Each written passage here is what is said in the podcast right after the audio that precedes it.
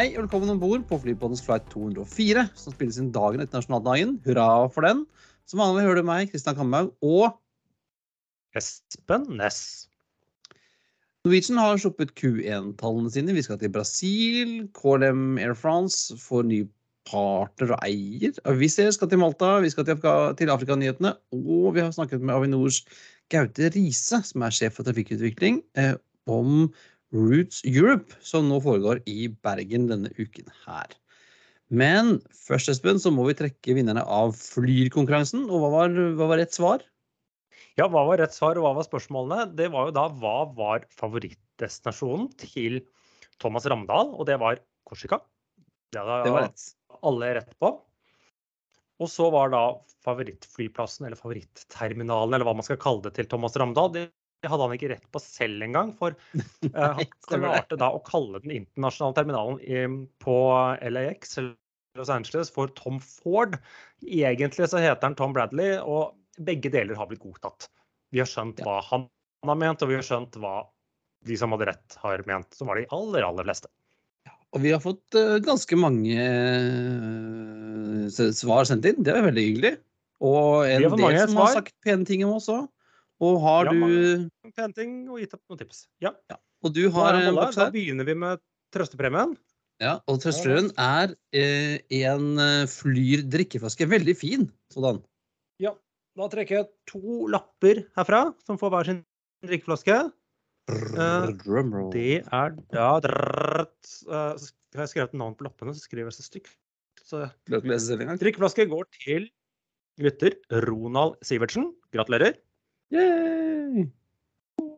Og drikkeflaske to til Roger Kvenseth. Så skal vi ta kontakt med dere. Og så den store morsomme premien, uh, som er da en flybillett. Vi vet ikke til hvor, det, eller hvor, hva slags valg man har, men det kan ikke vi ta ansvar for. Skal vi se. Da plukker vi opp en lapp her.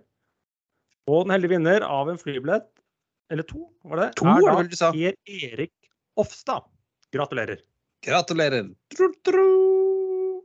Og takk til alle andre som har uh, hørt på oss. Og hvis noen skaffer premier, så lager vi gjerne flere konkurranser. Ja, det var veldig veldig gøy. Det er veldig gøy å dele ut uh, sånne ting. Vi tar kontakt med vinnerne uh, for uh, å overrekke premie. Men apropos flyr, Espen. Du har vært ute og fløyet med flyr, du, faktisk? Jeg har fløyet i flyr. Jeg hadde med familien til Legoland nå i helgen. Da jeg booket jo, jeg var de første som booket den timen etter de la ut, eller minuttet etter de la ut uh, billetter ditt. Så ned eh, fredag, til ja. Eh, ned fredag etter jobb og hjem igjen på søndag ettermiddag. Så to dager i, i Legoland. Det, var, det er liksom morsomt, for jeg sjekket litt sånn seatmap uh, jevnlig før jeg skulle dra. Tenkte jeg jøss, her blir det ikke mange mennesker. Men jammen med så ble det ned, ja, i hvert fall tipper 80% fullt begge veier. Hmm. Og man har jo flere valg billig. Jeg så på søndag ettermiddag når jeg dro hjem, så var det Der går det tre fly til Oslo. Da går jo først et Norwegian, time etterpå går Flyr, og så går SAS litt, litt, senere på kvelden. Men det er ganske kjapt fra Billund til Legoland. Er det fem minutter med buss? Den går stort sett ofte. Eh, og, eller man kan ta taxi. Og ja, Billund var en liten, men effektiv flyplass. Så det det er en koselig flyplass, syns jeg. Den er fin og, og bærer jo preg av at den uh, holder til i legobyen. Ja, og jeg hadde jo ikke fløytet før, så jeg fikk en ny flyplass på, på listen. Uh, og så, ja, det var en uh, grei flight. Det er jo bare om 50 minutters flytid, så det er jo veldig kort. Men litt som jeg har vært inne på før, da, det jeg synes, det som er litt deilig, det er faktisk, og det skal skryte for, at den der vannflaska de deler ut. For når du kommer rundt, styrer litt med barn og litt sånne ting, og den setter seg ned i setet, så finner du ut at du er litt tørst. Og du slipper å vente på det skal gå med tralla. Jeg tok riktignok bare te eh, begge veier, men jeg syns at du får den der lille vannflaska på veien inn, den eh, ja, for den får du når du går om bord? Ja, de står og deler den i døra. Så alle får en vannflaske. Hvordan var uh, ombordproduktet ellers? Det var sånn buy on board? Ja, det er, det er buy on board, men dette er jo sånn kort Det er jo veldig kort flight, så de har vel egentlig bare drikketralle. Jeg vet ikke om de også selger noen snacks. Uh, gratis kaffe og te. Og så kan du kjøpe brus og øl og ja. Ja. Og sånne ting. Men sagt, det er jo, det er jo en, det er som å fly Oslo-Bergen omtrent i distanse. Eller i tid, kanskje bitte litt grann lenger, men litt sånn tilsvarende. Så det er begrenset hva slags servering det der, da. Ja, ja. Men uh, gøy da, at du fikk uh, testet fly på en sånn uh, mer, mer ordentlig ja, det er jo, Du har jo fløyet fly mange ganger. Du har mange, mange klipp på Nei, ditt. ja, nei, det var fjerde, ja, fjerde turen min. Så blir det jo litt lenger når jeg skal prøve dem til Vi skal ta dem til Bodø om to uker. opp. Og så blir det jo, skal jeg opp til long haul om Når blir det, da? tre og en halv måned. Nei, ja, etter sommerferien, hvor jeg da skal fly dem hjem fra NIS. Da skal jeg prøve dem i da to og en halv time. Men jo, ny flyplass. og Jeg fikk for første gang i mitt liv fløyet Max. Det har du gjort, ja. Stemmer Ja. det. Gratulerer med den. Hvordan, uh, for du fløy uh, maks én veien, NG andre veien? Og sånn? Ja. Hvordan, uh, hva var forskjellen? Den er stillere. Det, det, det var det. Ja. Og så er det litt andre seter og litt sånne ting, men uh, Ja, men det er jo vel lagt på altså, de flyr, flyr, flyr, Ja, så har jo flyr litt uh, forskjellig variasjon av interiør. Så ned fløy hjem, den hadde den gamle Fly Dubai-interiøret, som egentlig har litt bedre B-plass enn et par andre jeg har fløyet med. den.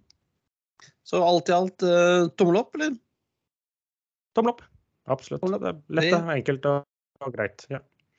Så da kan vi nesten anbefale Det er nesten ukens anbefaling, det da. Flyr, fly, flyr. Ja, ta, ta med fly, flyr og ta med ja, De har jo sponset oss, eller ikke med premier, så vi må jo anbefale dem det. Eh, men også familietur til Billund. Det var eh, det er like mye samme tidsbruk som jeg skulle dratt i Dyreparken. Og sikkert ikke noe dyrere. Nei, alt i alt. Eh, Har du noen flighter til meg, Espen? Ja, har et uh, lett gjenkjennelig tema. Uh, NH204 FRA til HND med 7879. Å ja, det er lenge siden jeg har vært, vært i Japan. Uh, Ana til uh, Tokyo Haneda. Ja. så det Den går, er vel sånn som Går, går den over. Nordpolen nå? Ja, nå- eller? Uh, det har jeg ikke sjekket. Nei, japanerne Eh, flyr jo over Russland, de sånn... Nei, ikke Japan. Ikke japanerne. Så den hadde en liten pause og gikk med et litt annet flynummer et par måneders tid, og sånne ting, men den, den går nå. Uh, om ikke daglig, så ofte. Eh, LH204 FRA til DRS med en blanding av 320 og Serial 900. Eh, er det Dresden vi skal til med Lufthansa, eller? Og så er det 4Y204 til FRA til RMF 320. Eh, Euro, er det Eurowings? Ja, men hvilken Eurowings? For bare Eurowings er Eurowings? EW, vet du. EW Ja. er Eurowings. Men Hva er dette, er dette, hva er dette for noe? De, de her um, LGV eller hva det heter for noe? Dette er Eurowing Discover. Er det Discovery med 320? Ja, ja de, de flyr noen 320-er, eh, stort sett da fra Frankfurt og var München. Og så flyr de da disse langdistansemaskinene. Men RMF, det er ikke sikkert å gjette på første forsøk, det er da Marsa Alam i Egypt. Ja, så det er Syden uh, Sydenkos. Og 4Y er jo gamle koden til German Wings. Ja, det var derfor jeg tok den så fort, skjønner du. Men eh, dette er altså eh, tema Frankfurt. Fra Frankfurt. Fra, fra. Fra Frankfurt. Eh, og så har vi to ulykkesflight 204, og den det er jo, Jeg kan ikke si det er gøy, men altså det er en interessant sammentreff. Og dette her er begge Boeing 737-200-ulykker. Vi kan begynne med Ja. den uh, nyeste. Mm. Uh, Det er eh, Tans Peru. Uh, 23. august 2005. eh, Fra Lima til Bu Ja, jeg klarer ikke å si det engang. Pucallpa. Noe sånt. Pucallpa Iquitos. Eh, Tidsskulden, i hvert fall. Eh, 98 Pax og 7 eh, crew.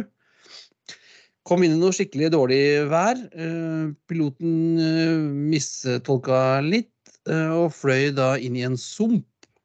eh, på vei inn til flyplassen. eh, og eh, 40 eh, av de totalt 98 om bord omkom. Og du ser på seatmap, så var det som alle foran vingen. Eh, omtrent. Omkom bortsett fra én. Altså de som overlevde, de satt da bak vingeroten.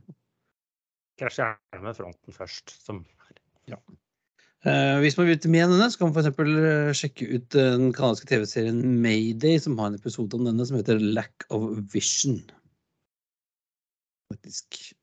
Og den andre 727-200-ulykken med Flight 204 er China Airlines. Vi har vært innom dem ganske mange ganger. det var en periode at de hadde en litt dårlig tror jeg, track record på, på Taiwan der, hvor de holder til.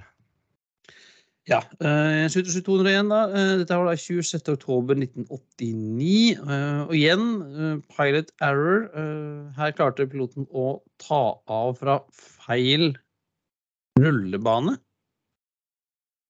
Rullebane Eh, eller taxibane? Nei, eh, feil eh, rullebane. Og så tok han da feil eh, sving, for han trodde han fløy fra en annen rullebane enn han gjorde, og da fløy han rett inn i et fjell.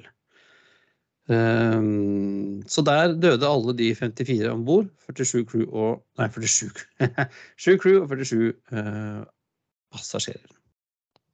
Og så har vi også to uh, flytyper. En som kanskje får sin renessanse, selv om jeg ikke tror det heller, og en som jeg ikke hadde hørt om før. Du tenker at Boeing 204, denne flybåten fra 1929, får en renessanse, eller var det en annen du tenkte Nei, på? det var ikke den. Vi, kan ta den først. Vi kan ta Boeing 204. Vi var innom 203, var ikke det? Siden? Jo. Ja, så da en, en, um, en øh, sånn uh, dobbeltdekker uh, flybåt.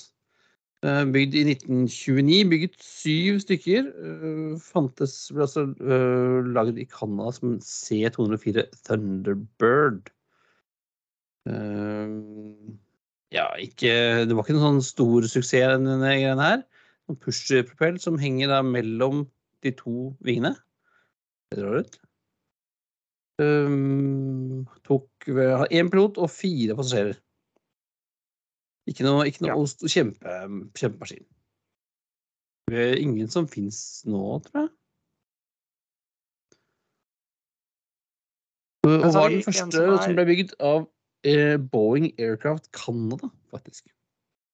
Ah, så. Men det er også en del av disse ukjente Jeg kaller det ukjente Boeing-numrene. som man har liksom Jeg hadde ikke hørt om den før. Nei, ikke Jeg jeg hadde ikke hørt om den 203 heller. Så det, Spørs Fins det en 205? Det vil vi se i neste uke. neste uke. Følg med. Følg med. Men den som er litt mer kjent, og som vel har dukket opp på Oslo en del ganger også, er jo Tupolev 204. Ja. Og den startet jo som en Det er en slags 757-kopi. Ganske Ganske akkurat som 757 var en erstatter for eh, 727, så trengte eh, da daværende Sovjetunionen erstatta for sin TU 154. Så de eh, Jeg vet ikke om de kopierte det, jo, så de laget da en 757-variant, bare litt dårligere. eh, litt sånn forenklet forklart. Eh, hadde vel First Flight tilbake i 1989. Eh, Så gikk det ikke så bra på 90-tallet der borte. Som ble først satt i trafikk var det i 1996. 96, ja. Mer flott. Den har vel blitt bygget hele tiden frem til nå, selv om jeg tror det har vært sånn snakk om en eller to i året i de siste gangene. Disse Red Wings og Russia man har brukt det, men de har vel pensjonert dem. Og nå har det liksom vært sånn Er det Cubana og Kyrio og litt sånn eh, flyselskaper som generelt sett har litt problemer med å fly, som har hatt dem. Så de har Så har de jo- parkert.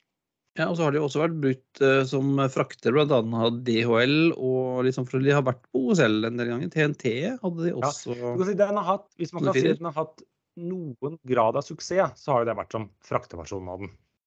Ja. Og så hvis det en større en som heter litt to- suksess i gåsehud. 214, og så er det jo snakk om Nei. at man skal Det er prinsippet samme, den er bygd på en annen fabrikk, slik jeg har forstått det. Ja.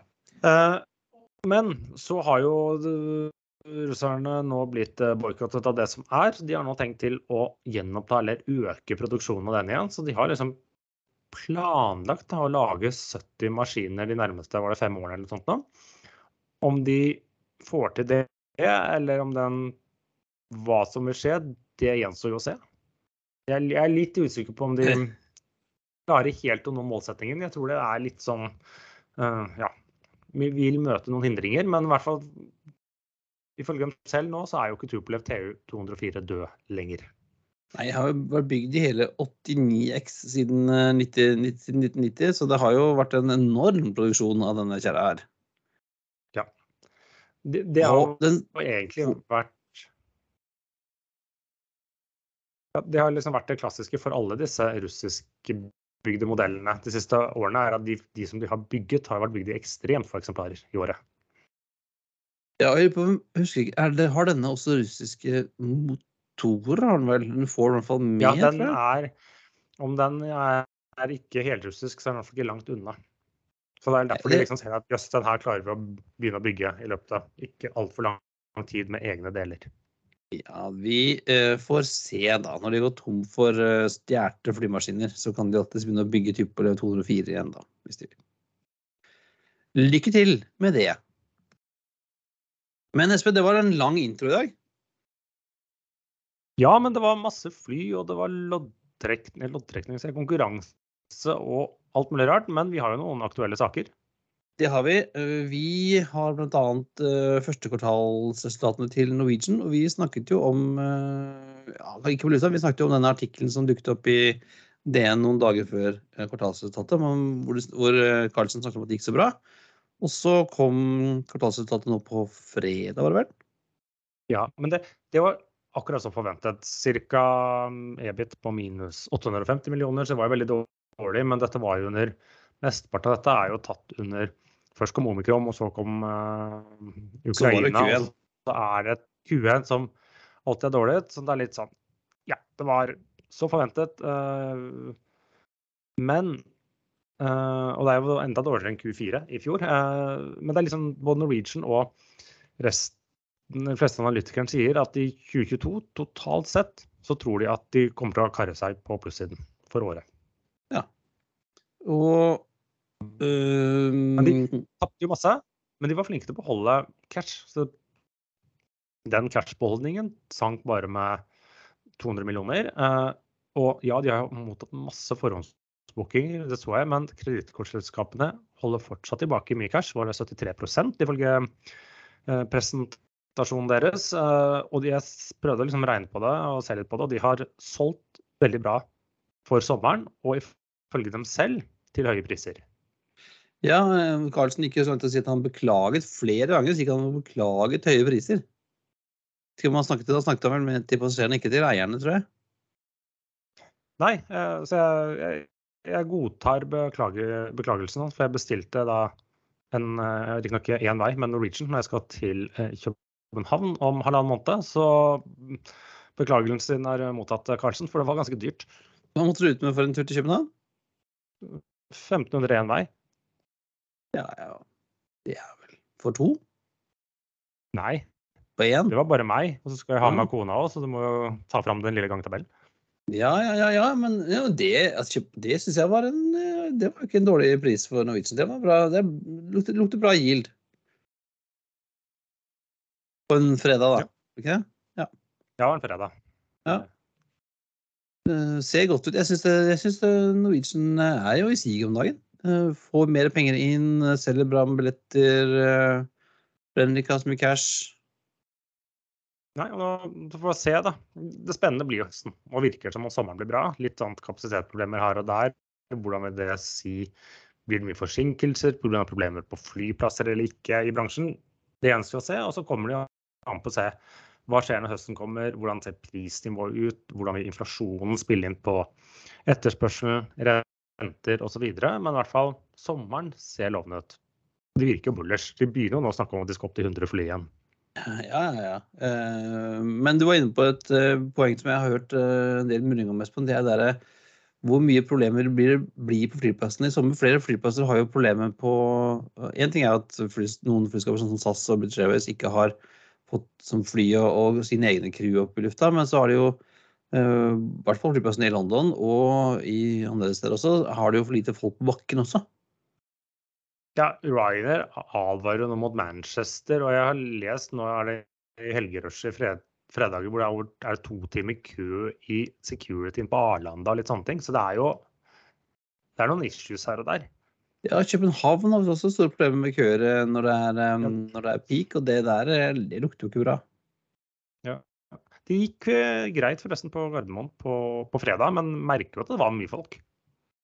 Ja, men det, det, er godt. Vi kommer tilbake til det litt senere. Men først skal vi til, til en liten tur til Sør-Amerika, hvor uh, en liten overraskelse kom her i forrige uke om at uh, Avianca og Gol skal gå sammen i et slags søramerikansk IAG som heter Abra.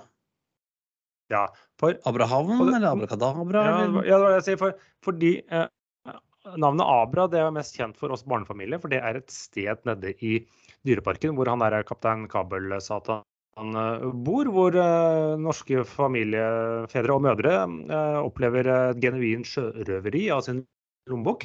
Men det skal de altså da kalle dette holdingselskapet Abra. og litt, litt sånn overraskende, fordi det er to-tre uker siden så sa Avianca at vi skal gå inn i sånn felles holdingselskap med Viva, som er et lavprisselskap i Colombia. Men de drar med seg også disse på lasset, så rett etterpå så skal de også, vi skal også gå inn i et holdingselskap sammen med Goll. Det, er et lavprisselskap, Avianca er et nettverksselskap. Men de skal liksom lage en sånn pann à la Latam, bare liksom god miks av nettverk og lavprisselskaper. Merkevaren skal bestå, så handler det mer om på en overordnet nivå, uten at det er helt helt skjønner det. Og så følger du med en liten eierandel i disse Sky Airlines i Chile og litt sånne ting. Ja, så det blir et, ja, et søramerikansk IAG, da. Eh, eller en Lufthansa altså, som også har masse forskjellige merkevarer under, under samme, samme, paraply. Ja, og da, Det betyr jo da i Sør-Amerika, hvis du utelukker en del litt sånne ikke veldig godt kanskje fungerende land eller land som i hele tatt har et luftfartsmarked, så er jo veldig mye da under enten Latam, disse nye eller disse nye Abra, eller en tredje aktør som gjør det ganske bra og vokser og vokser. Det er eh, Azul ja. i Brasil. Ja, for de er nå større enn de var i 2019. Det er flere passasjerer, flere fly, flere ruter. Si, det er ingenting i Brasil som tyder på at det har vært en pandemi. Unntatt noen ferske graver her og der, men uh, bortsett fra det. Ja, eh, så eh, Asyl, eh, blant annet så er det både corporate travel og cargo er jo det som driver enda høyere inntekter for Asyl om dagen. Og så er det jo sånn at ja, ja. Ut, av, ut, av, pandemien Det var jo så stygt ut i Brasil en periode, nå ser det ut som det har roa seg der. Og Brasil er jo et marked som lever godt på krigen i Ukraina. Ja, For de har eh, Det er energi, og det er trengs tømmer, og de driver masse med jordbruksprodukter. Så de, ja, Brasil nå, eller iallfall luftfarten der, går ekstremt bra, virker det som. Og det virker også som disse Azul har gjort mye riktig. Og de har bl.a. satset mye på cargo. Uh, I langt større grad og tjent på det. liksom Klart å vri litt om, om skuta. I tillegg til at de liksom De flyr jo på kryss og tvers der, for å si det pent. Og, og liksom gøy, de flyr både som AT-30-er og Cessna Caravans. Ja, det er vel ett av få sånne selskaper som har så små fly som til og med Cessna Caravans. Riktignok er det noen datterselskaper, de er i fulle asulfarger, Ja. Som brukes til å fly i en eller annen sånn stripe et eller annet sted inne i skogen der. Jungelen. Ja, det er veldig, veldig gøy. Uh, og Azul, for de som ikke husker, det, er jo et av disse selskapene som er starta av David Nealman som eh, også starta JetBlue, og nå nylig Breeze. Den mannen, altså, hva han ikke tar i, så blir det bra. Ja, nei, han har uh, fått til mye. Uh, litt hjemlige trakter. Uh, litt overraskende nyheter i dag. Ja, den kom liksom OK. Den, jeg så ikke den komme. Ja, på det siste. Det er et fransk shippingselskap som heter CGM CMA. Uh, det har jo vi snakket om før. Vi har snakket om før, for de hadde begynt å satse litt på egne cargoflighter i tillegg til disse containerskipene sine. Men de klinker rett og slett til at kjøper seg inn med en eierandel på 9% i Air France KLM og skal inngå et tiårig strategisk samarbeid innen cargo. Det er både med egne fly, Air France Colin sine rene fraktere og i såkalt belly space på deres passasjerfly. Ja. Eh, og så betyr det også ikke bare at de skal kjøpe, men de skal jo kjøpe denne aksjen gjennom en, en nyemisjon, skjønte jeg, så det blir Ja, mer cash i butikken nå. Ja, for Air France KLM er jo et av selskapene som har gjennom pandemien pådratt seg litt mye gjeld, litt dårligere balanse, eh, brent mye penger. Så trenger også friske penger, og det hjelper jo uh, dette her. Uten at jeg helt uh, har eh, beregnet eller regnet på hvor mange milliarder det er snakk om totalt, så er jo 10% av selskapet ikke En god chunk cash, ja. Ja. Interessant er liksom at dette, det shipping cargo-selskapet kommer inn og skal bli en del av Air France KLM. Det er morsomt. Men det, det er jo litt sånn Er det en sånn tendens nå at man vil se mer samarbeid på det? Man, man ser jo liksom dette at sånn Mersk skal satse enda mer på, på luftfart, som vi har vært innom før. Vi så disse CMGA tidligere begynte å satse på det selv, og så gå finne seg en partner. At man ser liksom at man begynner å konsolidere litt, ikke, eller i hvert fall innen flyfrakt, da, ikke bare innen uh, si, egne nisjer, men også at man liksom kombinerer at man driver med både med fly og shipping og, og ser på totalbildet innen logistikk. Ja, det ser jo ut som det er fortsatt eh, bra kok i flyfraktmarkedet, altså. Ja, nei, for det, det så jeg jo også at denne uken så kom var det Virgin Atlantic. Fordi de har jo ikke De har hatt litt sånne praktere, som det vel er mer eller mindre slutt på nå. Men de ser ut til at grunnsikkert ser god kombinasjonen av gode priser på flyfrakt og at kanskje litt sånn brexit-problemer på grensen og for å få varer fra Europa. Så de nå skal sette opp en og wetlease en eh, konvertert eh, 321-frakter fra Titan Air, Airlines eller Airways eh, for å fly da mellom London og Brussel. eh, Med det jeg tror jeg antar, og for å feede eh, Virgin Atlantic sin langdistansefly. I hvert fall skal gjøre det det neste halve året, slik jeg forsto det. I hvert fall ut oktober. Ja, Da blir den nok ikke malt i Virgin-farger, da, men den blir jo Få se da, om det blir suksess og de kommer til å kjøre videre på dette her på egen, egen maskin. Og hvem vet? Ja. Men det kan jo så være at det er sånn Virgin i hvert fall gjør det nå, når cargoratene er så gode som de er, og de kanskje har litt, har litt ekstra kapasitet. Eh, Ja, jeg vet ikke. Og noen slott de ikke bruker. Ja, det var litt det. Kanskje vi skal holde, holde varmen slått på Heathrow ved, å- sende flyet ditt. Så det Og mens noen holder slottet Men- varm, så er det en annen gjeng som prøver å holde en deal varm.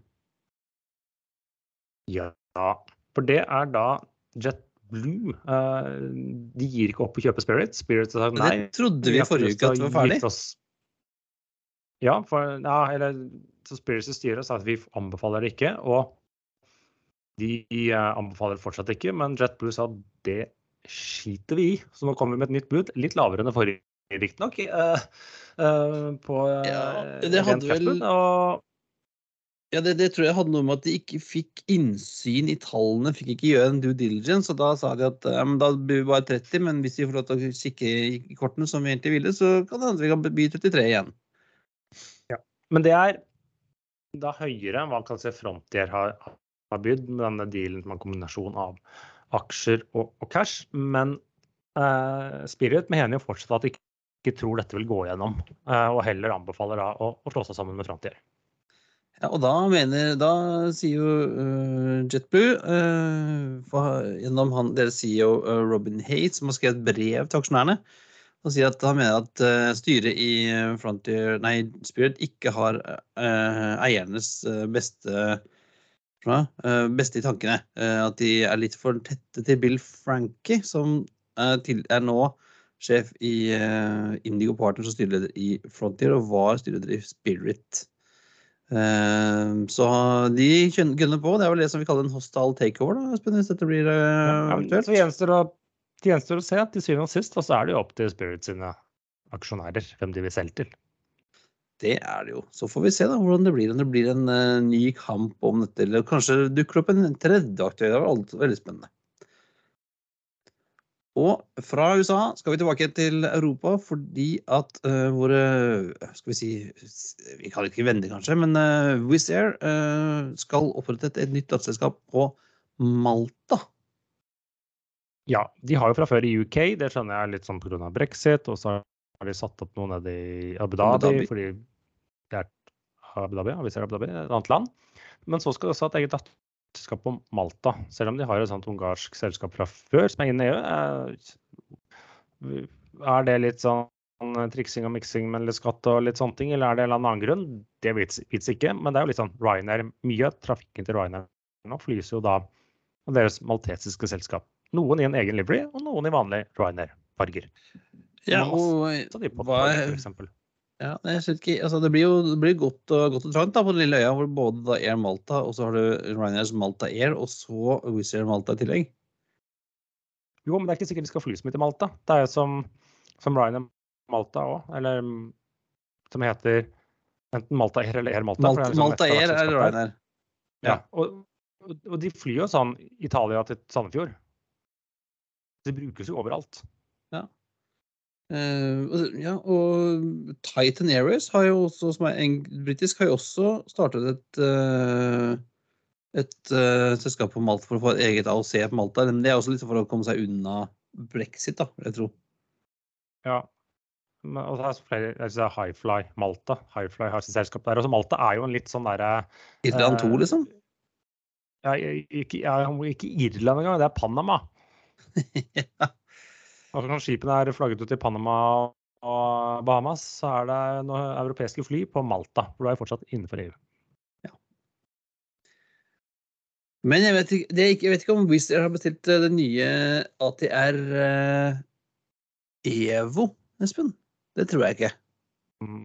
Nei, jeg tror ikke kan du bestille den, da, men det er nå så. Eh, for det er da ATR som kommer med en Neo. Ja, en slags Neo, som du kaller Evo. Eh, det er altså en hybridelektrisk eh, versjon av ATR 4272, som de sier skal kutte fuelforbruket med 20 eh, Gjør noen sånne aerodynamiske fiksfakserier. Putter på en åttebladet propeller. For den, I dag har den vel seks? Seks, ja. Og så blir det en, men det er en slags Det er en hybridversjon som både er elektrisk og av kommersiell drivstoff. De har selvsagt planer om Sustainable Aviation Fuel, som vi har vært inne på eh, selv. Men slik jeg forstår tingene, nå kan sikkert folk arrestere meg, men dette flyet er jo fordi at eh, disse flyr korte distanser. Og da går jo veldig mye av eh, relativt sett da, under avgang. Og da kan du gi en liten elektrisk liten boost eller sånn derfor være hybrid. At derfor har det litt for seg kanskje fly som flyr da liksom i 45 minutter en kort tur, enn hvis du skal ut og fly 14 timer. Mm. Eh, og så sier de at den skal være future-proof. Eh, så den skal etter hvert også kunne byttes, ha større batterier, kunne dra mer av, eh, av drivstofforbruket på batteri. Og den skal også kunne gå på hydrogen, sier de. Håper å lansere den i 2023 og skal være i drift senest 2030. Den ser jo fancy ut, da. Det ser jo ut som at jeg er det er bare to blader til på motorene. Men uh, kan den uh, havne i Afrika? Det skal du ikke se bort fra. Uh, om den havner hos South Africa, vet jeg ikke. De har jo ikke så mye penger om dagen. Så hvis du, hvis du ikke vant drikkeflaske eller flybillett, så kan du jo kjøpe deg et flyselskap. da. For du får nå få 51% av South African for 3 dollar. Ja, det vil si den ble kjøpt for tre dollar av disse lokale investorene. Eh, og det var litt sånn samme prinsipp som å kjøpe en mobiltelefon til én krone. Så et av kravene var, var også at de hostet opp eh, 185 millioner dollar eh, i ny kapital over de nærmeste to årene. Eh, og dette er, sånn, dette er en lokal investorgruppe, men også kommer samarbeidet med Kenny Airways på toppen. Ja, for de har snakket om å lage en allianse mellom de og Kenny Airways tidligere. Og det skjer vel foreløpig ikke noe konkret, men det har skjedd nå at det store selskapet Air Botswana har lyst til å være med. Også i den, så kanskje kommer det flere til etter hvert. Og Air Botswana er jo en tungvekter med hele to ATR-72 og én Embraer E170 i flåten. Men visstnok et veldig godt drevet, har jeg hørt rykter om. Ja, det, så det er greit å ha noen som tjener penger i den, uh, i den gjengen. Ja, men de har vel kanskje litt monopol på de rutene, innenriksrutene i Botswana som de flyr. Ja. Kan godt hende. Kan godt hende. Men før vi eh, skal eh, ta en tur til Bergen og Roots, så har du fått uh, for uke 20, Espen. Ja, det, dette var liksom en uke uten, så vidt jeg klarte å se, verken noen røde dager Uke 19, ja. ja det var uke 20, unnskyld. Jeg tror uke 19 var forrige uke. Uke 20 er denne. Men Uke 20, ja, uke 19. Og det var ja, det var fri for røde dager. røde dager, streiker eh, og osv. osv. i både 2019 og 2021, slik jeg klarte å, å se. Eh, og da var det minus 24% manglet Avinor Nei, minus 14 eh, manglet Avinor sine flyplasser da den uken, så vi kikker stadig oppover. Altså Innland der var det 9% og utland 23 Ser man litt sånn på flyplassene, OSL minus 18, Bergen minus 8, så de gjør det jo veldig bra. Og så Mhm. Stavanger og Trondheim midt mellom der. Og så er det litt sånn der, kan si, forskjellig. Nord-Norge gjør det bra. Evenes hadde jo 11% flere reisende denne uken, mens Tromsø og Bodø lå sånn minus 7, minus 4. Så tett på 2019-nivået. Mens en flyplass som Kristiansand, der mangler fortsatt en tredjedel av passasjerene. Så sørlendingene har ikke kommet tilbake til reise, eller ingen reiser til dem.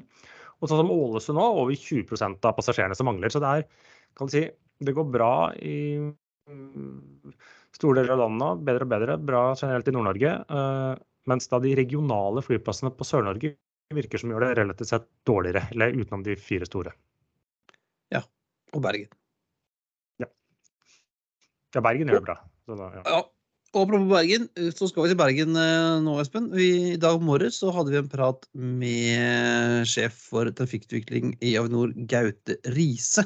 Som vi klarte å fange på morgenen i, i Grieghallen før han skulle ut og smiske med flyselskaper på denne Roots-konferansen. Ja, for de som ikke vet det, så er det da Roots Europe som foregår i Bergen disse dager. Så skal vi egentlig bare sette over til, til Gaute. Gaute forteller hva Roots er, og hva han gjør, og hvor gøy det skal være. Vi setter over til Grieghallen med eh, Gaute Riise.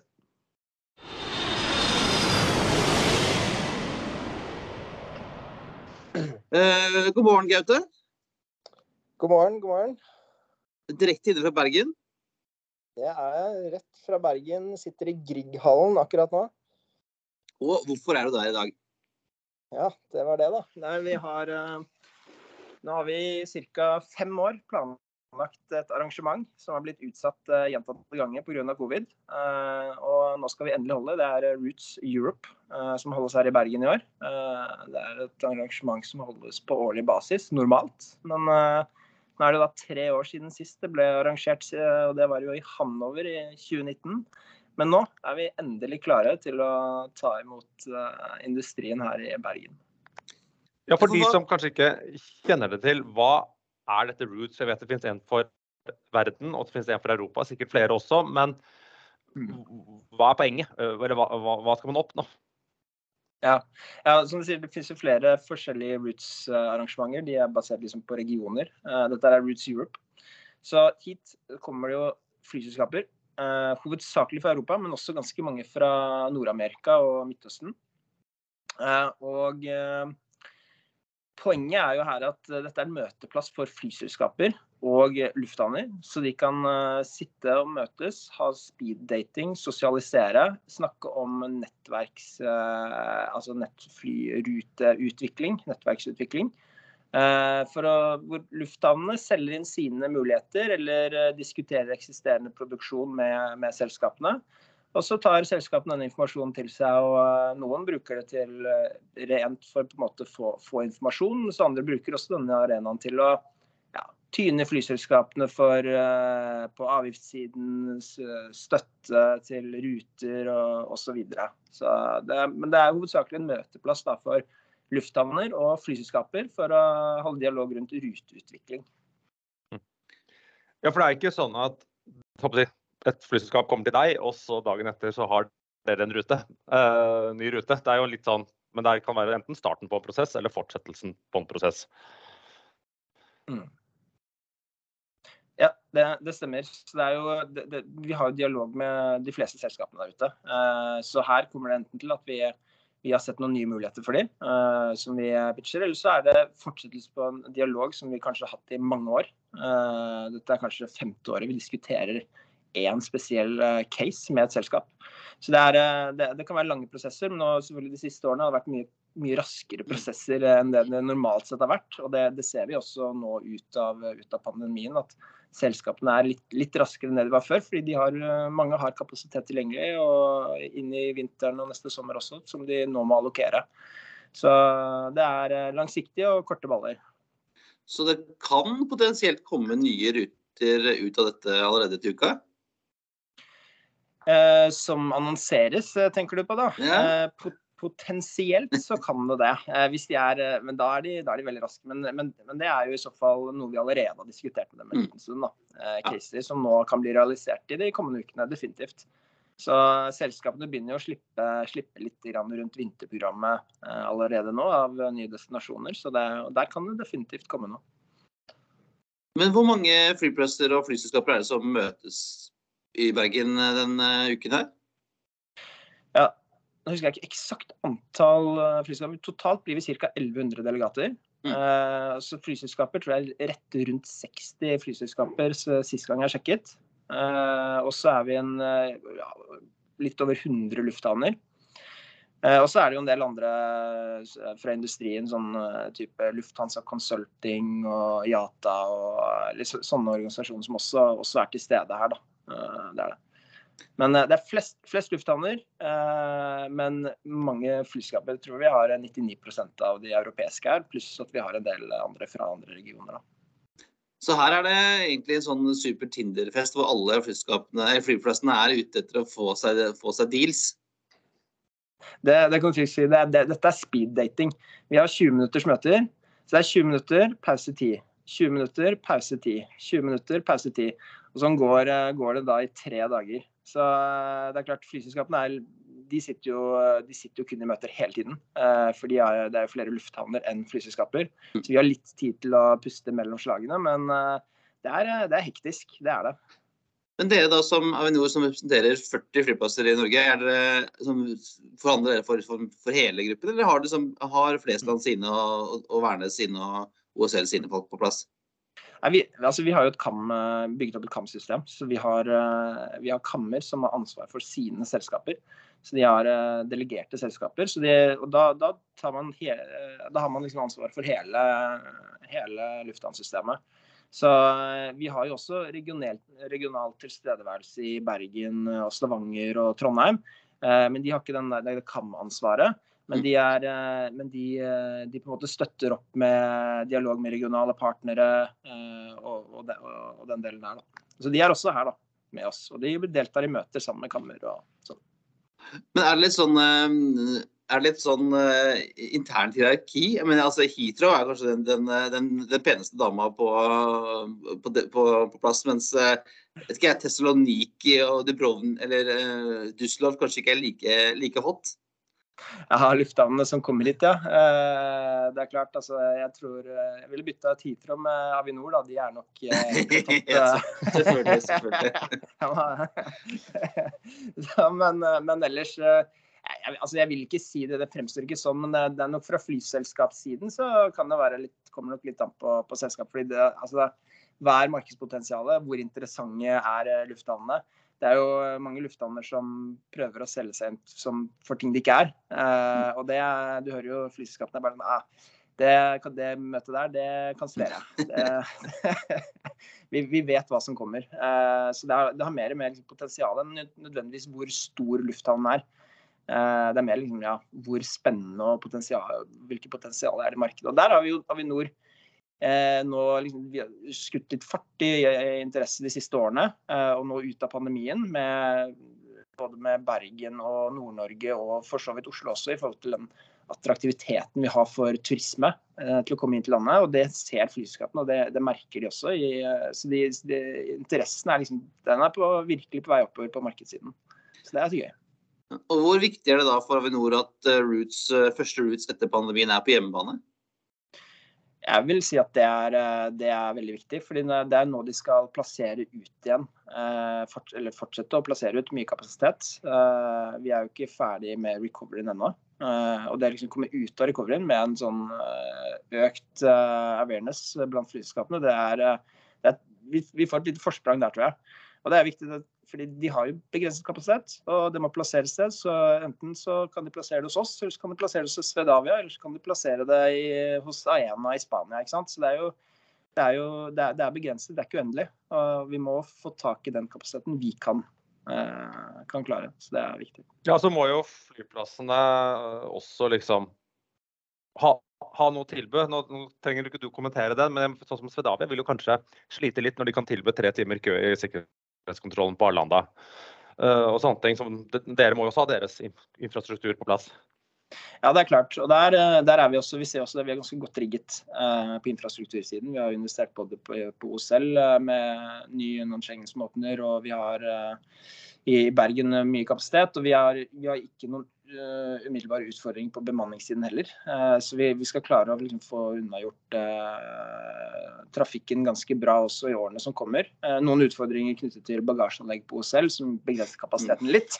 Men Det, det gleder vi oss til i sommer. men, ja, men allikevel, jeg tror eh, når vi snakker med flyskapene, så er det en liten detalj i den store utfordringen som du ser ute i Europa. Eh, med store bemanningsproblemer på lufthavnene, lange køer i sikkerhetskontrollen. Så er på en måte den bagasjesituasjonen vi har på oss en, en liten detalj i det store bildet her. Ja, for det er på en måte lett, viktigere å komme seg ut enn akkurat der når du kommer deg hjem. Da er det sånn. Da roer du jeg litt med. Ja. Så, så du har sånn dagen full. Ditt dansekort er helt stappa fullt i dag, Gaute? Ja, mer eller mindre. Så jeg kommer til å være med på en god del møter. Og så har vi booka noen sånn, uh, møter på siden. Det er jo en del, uh, en del uh, selskaper som kommer med litt sånn høyere representanter. Så vi har, som vi har booka i egne rom. som så vi tar på sida. Og så blir det å sosialisere og snakke. og Det er nettverksbygging og dette her. eh, og vedlikehold av nettverk. eh, som er en veldig viktig eh, del av denne konferansen også. Så det er en, det er en i stor grad også en relasjonsbransje, dette her, eh, og business. Så det legger vi veldig vekt på, vekt på også. Ja, så er det jo godt for dere da i, i bransjen, og faktisk, og dere også viser at folk har behov for å møtes. Alt, Mm. Selv om vi nå sitter på Teams, så er det ikke alt som funker. Det, definitivt. Og det, og vi, vi merker nå har vi hatt eh, noen selskaper her i et par dager allerede, og de fleste delegatene kom i går, og alle bare å, det er så godt å ses igjen, og ikke noe covid-restriksjoner, og folk klemmer hverandre, og det er liksom en stor familie. Så det er, eh, det er utrolig gøy å liksom kunne få den vei, altså første ordentlige eh, konferansen ut av pandemien uten restriksjoner. Og sitte her i Bergen og gjennomføre det. Det er helt fantastisk. Dette er noe som selskapene og for så også går til å huske i lang tid fremover. Og så får vi håpe at det kommer noe eh, godt ut av det. Ikke bare for eh, bransjen, men spesielt for Avinor Norge. da. Ja, ja, ja definitivt. Dette, her er, eh, dette er viktig for Norge, Norge som land. eh, Med denne tilgjengeligheten som skapes gjennom eh, flytrafikk, og det vet dere veldig godt. Da tenkte jeg vi skal få ønske deg lykke til, Grete, med, med møter. Og passe på at vi Jeg ønsker meg som, som alltid en rute til Lanzarote. Så gå ut og snakk med Vueling eller noen, så blir jeg veldig happy. Ikke sant. Ja, men det er notert. Bra. Har ikke så høye krav, Christian. Ja, Nei, det, this, is- this is all I asked for. Fantastisk. Tusen takk. Eh, ha en fin dag, og så høres vi plutselig. Det gjør vi. Flott. Takk skal du ha. Vi Så, snakkes. Hei, hei. hei. Hei, hei.